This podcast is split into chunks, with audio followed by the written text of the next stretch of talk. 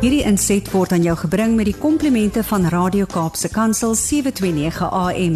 Besoek ons gerus by www.cape pulpit.co.za.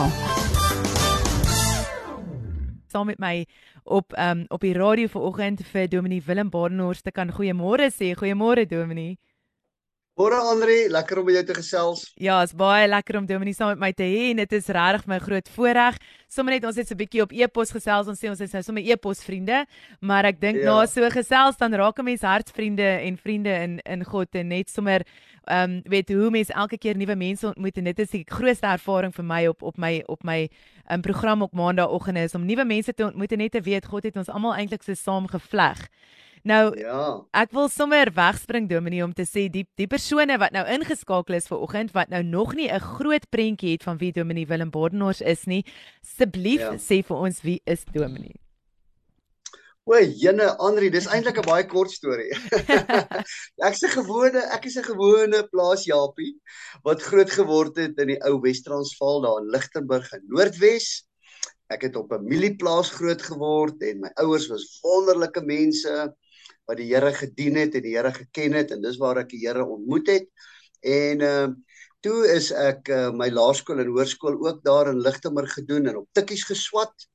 En toe gaan jy my nie glo nie, toe ek terug Lichtenburg toe. Jy weet, die spreekwoord sê mos die profeet word nie sy eie land geken nie, maar hierdie was iets anders. Die Here was regtig vir ons baie goed in daai tyd en ons het 14 goue jare gehad, Andre, ek beloof jou, waarin ons regtig net die dinamika van die Heilige Gees gesien beweeg het en die Here gesien werk het en mense na hom toe gebring het.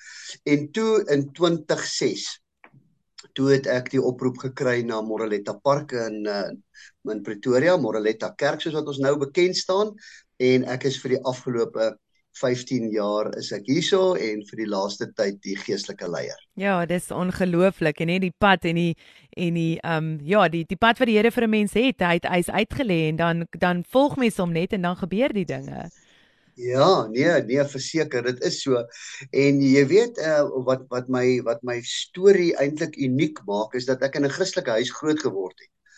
Maar en en ek bedoel die Here het my al geroep toe ek uh, ek toe ek baie klein was, jy weet 7, 8 jaar. En wat my storie uniek maak is die feit dat ek 3 jaar teologie geswat het. En ander jy gaan my nie nou glo nie. Toe sit ek een oggend voor 'n uh, radio en dis jou dis julle dis julle julle julle julle susterstasie hier in Pretoria Radio Kansel. Ja. En ek luister na 'n boodskap van 'n uh, oorlede Dani Steyn, was bevoorreg om nou dag by sy begrafnis te wees.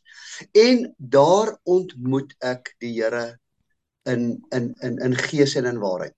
Toe besef ek, ja. hoor jy, my nie my ouerhuis, nie my goeie opvoeding, nie my ehm um, eintlik goeie lewe gaan my red nie, maar ek het Jesus nodig. En daar het ek radikaal tot bekering gekom en die Here het my lewe in totaliteit verander en van daar af het ek net 'n passie vir siele en om te sien dat mense na die Here toe kom. Ja, dis ongelooflik en dit is ek kry sommer hoendervleis as ek sit en luister na Dominee want dit is dis presies dit dis 'n ontmoeting wat jy self moet hê en mense kan vir jou sê en mense kan jou groot maak en ons kan ons kinders lei daartoe maar as hulle nie daai persoonlike ontmoeting het nie, dan is dit waar ja. jy nie eintlik dan nou Christendom verstaan nie en wat jy wat jy van daar af elkeen van ons se werk is om siele definitief daar te kry, maar as jy nie daai ontmoeting gehad het nie, is dit soms moeilik om daardie pad te ja. kan te kan doen. Nou Dominee, ek sit nou vanoggend hier met 'n juig tydskrif hier in my hande. Ek gaan hom net so vir al my luisteraars hier op ah. Facebook net hou.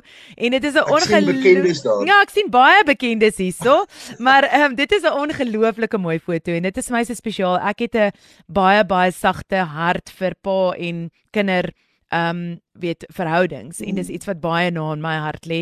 Ehm um, vertel ons 'n bietjie meer van die pa verhouding wat jy het met jou twee pragtige seuns wat saam met jou hier voorop is en dan ehm um, ja, net so 'n bietjie die band wat jy as pa het. Ja. Ja, dankie Andri. Uh die feit dat uh, my twee seuns so mooi is, is op die foto, uh het niks met my te doen, dis omdat hulle ma so mooi is. Ah, oh, dis mooi gestel.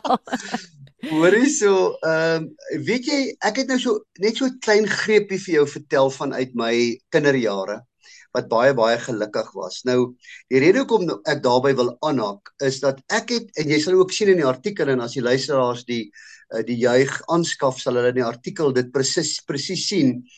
Uh, ek ek het 'n oortuiging dat ehm um, die verhouding wat ek vandag met my seuns het kom vanuit die verhouding wat ek met my pa gehad het, my aardse pa. Ons was ongelooflik naby mekaar en ek bedoel daar was net 'n absolute begrippe, aanvaarding, 'n liefde van sy kant af. Ek het net altyd so veilig by hom gevoel en ons het um, ons het die lewe saam geleef, ons het die lewe saam gedeel.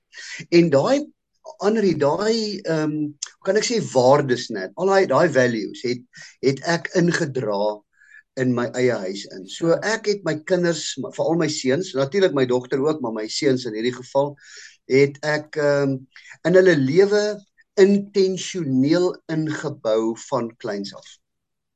So met ander woorde, ek het probeer om in hulle lewens, hulle leefwêreld in te kom, veral in die in die stages, die vlakke, jy weet waardeur hulle gegaan het, die stadiums waardeur hulle gegaan het. En hulle hulle leefwêreld het vir my gesê wat ek moet aanspreek. Daarom het hulle ook vroeg in hulle lewe het hulle vir Jesus aanvaar as hulle persoonlike verlosser en saligmaker.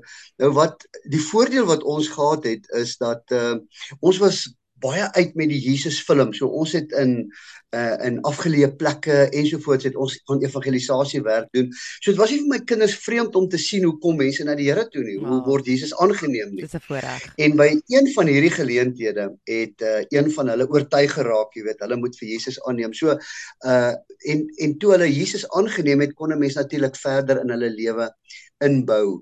En en hoorie so, dit is nou nie 'n dominee pastorie soppie storie wat ek vertel nie. Dit is dis 'n real life van Ja. vat jou kind se hand, stap saam met hom deur die lewe. So hê lewe saam met hom, maar probeer Bybelse beginsels in alles vestig. Hmm. Sonder om ons het ons kinders probeer grootmaak Andri dat hulle nie beleef hulle word in 'n pastorie groot nie. Want jy weet mos nou wat se spreekwoord, né? Die stoutste kinders kom uit die pastorie uit. Dit was van kleins af kan ek dit ook onthou. Ja, verseker. Maar dan het hulle ook bygesê Ja. dit is omdat die gemeente se kinders hulle stout gemaak het. O, ons moet nie daai ene vergeet Nee, ons moet nie ja. daai deel vergeet nie. Ja, so ek het 'n wonderlike band deur die jare gesmee met my kinders. Alles natuurlik deur die Here se genade, soos wat ek in die artikel sê, maar is om heeltyd intentioneel daai verhouding te bou. En om 'n verhouding te bou kos tyd, om 'n verhouding te bou kos uh insig, om 'n verhouding te bou kos wysheid, jy weet. Hmm. So ehm um, en en wat baie nice is, ek moet vir Marisa, my vrou, baie baie krediet gee, is dat ons het mekaar geweldig aangevul. Baie interessant in die beginjare en ek wil dit ook graag sê. Ons ons het ehm um, gewerk op drie dinge. Ons sê, jy weet 'n potjie waarin jy pap maak, dit mos nou 3 jy mos nou 3 potjies, Drie né? En as daai een as een van die potjies af is dan jy weet dan staan hy skeef. En ons het gesê dis LSD. En gelukkig is dit nie die produk wat mense onwederregtelik gebruik nie. Ja, geen Dit is beskrywings.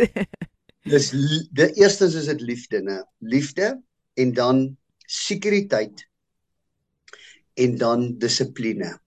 So. Met die klem dink ek op die L en die D, die liefde en die dissipline. Natuurlik, sekuriteit is mos nou nie net geld nie, dit weet almal ons luisteraars weet dit ook, is nie net voorspoed nie, maar dis 'n veilige omgewing, is 'n veilige hawe. As daai kind van die huis af kom, moet hy weet sy ma's daar.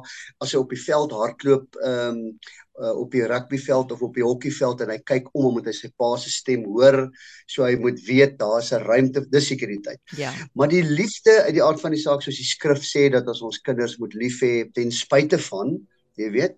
Maar ehm um, Andri, ek het baie baie sterk beginsels geleer in my lewe op dissipline. So ek ek kan dit nie wetenskaplik vandag bewys nie, maar wat ek net kan sê is is as jy 'n kind, as jy vir 'n kind 'n veilige ruimte skep, met ander woorde jy trek vir hom goeie grense, dissiplinêre grense, jou ja is jou ja, jou nee is jou nee. Daai dissipline vat hierdie kind laat hom een veilig voel en ek sê vir jou dit vat hom verder in die lewe. En later kom hy dissipline dan leer hulle outomaties en hulle wil graag opgang maak outomaties en hulle selfdissipline outomaties. So, dis die drie beginsels waarop ons gewerk het. En ek dank die Here vir die goeie verhouding wat daar tussen my en Janus en Wiambus. Ja, en ek wil regtig al ons luisteraars en die mense wat op Facebook ingeskakel is, regtig aanbeveel om gaan kry die jeugtydskrif. Jy kan dit enige groot winkelhandelaar gaan die jeugtydskrif hê. Dan kan jy so baie meer daarvan gaan leer. En hierdie is regtig sommer net 'n inloer net vir om net bietjie Dominie se hart te hoor. Ek wens ek kon 'n volle uur lank met Dominie gesels want ek, ek ai, dit ai, is vir my so lekker om net die hart te hoor van iemand wat regtig Jesus wil uitleef en wat so groot op gesinsdinamika is en ek het nog 100 vrae maar my tyd gaan my inhaal vir oggend. Ek dink my laaste vraag net aan Dominie voordat ons afsluit en voordat Brad die nuus 11 uur begin lees. Wat is 'n bemoedigende woord van Dominie se kant af vir oggend net om ons luisteraars uit te stuur in 'n week in van mooi mooi wense en denke?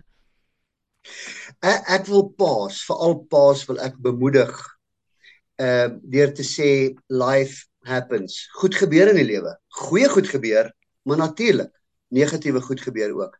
So ons leef nog nie in die paradys nie. Ons sien uit om saam met Jesus te wees. Maar voordat jy daar is, bly naby jou kind. Uh vat jou kind se hand in gees en in waarheid. Leer hom beginsels. Maar meer as leer, leef dit vir hom. Ehm um, die dis amper belangriker om dit vir die kind te leef want dis wat hy gaan onthou. Modelleer dit vir hom as om dit net te sê. En kom in jou kind se leefwêreld in.